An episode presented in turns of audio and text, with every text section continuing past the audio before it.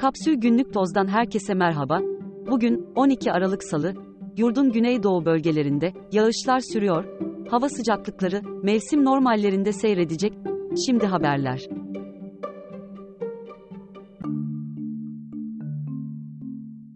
İstanbul Aksaray'da, Somali Cumhurbaşkanı'nın oğlu Muhammed Hasan Şeyh Mahmud'un, motokurye Yunus Emre Göçer'e çarpıp, ölümüne neden olduğu kazanın ardından yaşananlar, gizemini korumaya devam ediyor. 30 Kasım'daki kaza sonrası ifade veren ve yurt dışı çıkış yasağı ile serbest bırakılan Mahmud'un, 2 Aralık'ta yurt dışına çıktığı anlaşılmıştı.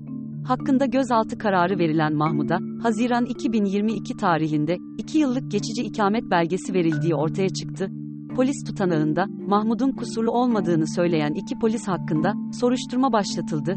Göçer ailesinin avukatı İyaz Çimen, kazadan sonra, 5 gün boyunca tutuklama talebi başvurusunda bulunduğunu, ancak kabul edilmediğini söylüyor. Görüntüler ortaya çıkana kadar, polis bize eşimin intihar ettiğini söyledi diyen Göçer'in eşi, iki çocuğundan birinin, otizmli olduğunu anlattı. İstanbul valisi Gül'ün kendisini ziyaret ettiğini söyleyen Göçer, Gül'ün kendisine, onu kelepçeyle göreceksiniz, dediğini aktardı.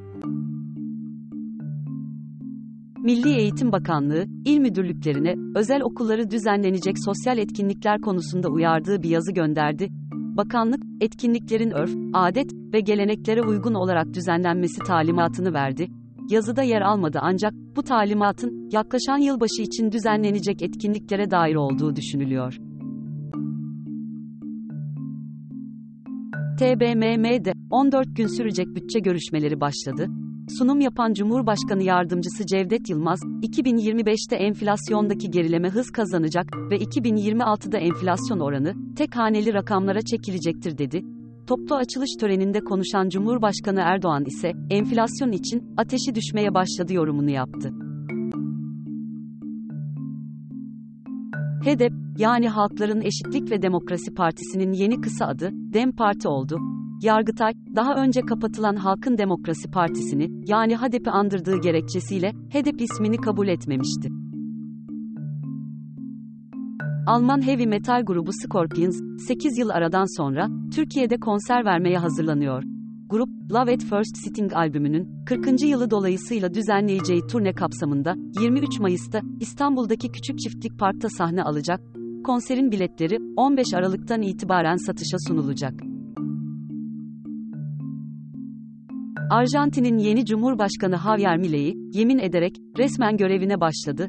Bugün, Arjantin'in gerilemesinin sonu, çöküş modelinin sonu geldi, geri dönüş yok, dedi. Milei'nin ilk kararı ise, 21 olan bakanlık sayısını, 9'a düşürmek oldu. Bunun hakkında bir kararname imzalayan Milei, eğitim, sağlık, kültür ve kadın hakları gibi bakanlıkları kaldırdı. Asgari Ücret Tespit Komisyonu'nun bugün gerçekleşen ilk toplantısında herhangi bir ücret pazarlığı yapılmadığı, ikinci toplantının 18 Aralık'ta yapılacağı açıklandı. TÜİK verilerine göre, Ekim ayında mevsim etkisinden arındırılmış işsizlik oranı, %8,5 ile 11 yılın en düşük seviyesine geriledi. Böylece işsiz sayısı, yaklaşık 3 milyon olarak gerçekleşti. Diskar ise, TÜİK'in, yalnızca dar tanımlı işsizlik hesabı üzerinden veriyi sunduğunu, dolayısıyla gerçekleri yansıtmadığını savunuyor. Diskar'ın verilerine göre, mevsim etkisinden arındırılmış geniş tanımlı işsizlik oranı, %21 seviyesinde, işsiz sayısı ise, Ekim ayı itibarıyla 8 milyon. Uber, bugünden itibaren geçerli olmak üzere, yolculuk başına, müşterilerden 20 lira komisyon ücreti alacağını açıkladı. Uber uygulaması üzerinden gerçekleştirilen taksi yolculuklarında 20 liralık sabit hizmet bedeli, nakit ya da kartlı ödeme fark etmeksizin yolculuk ücretine eklenecek. Daha fazlası için kapsül.com.tr adresini ziyaret edebilirsiniz.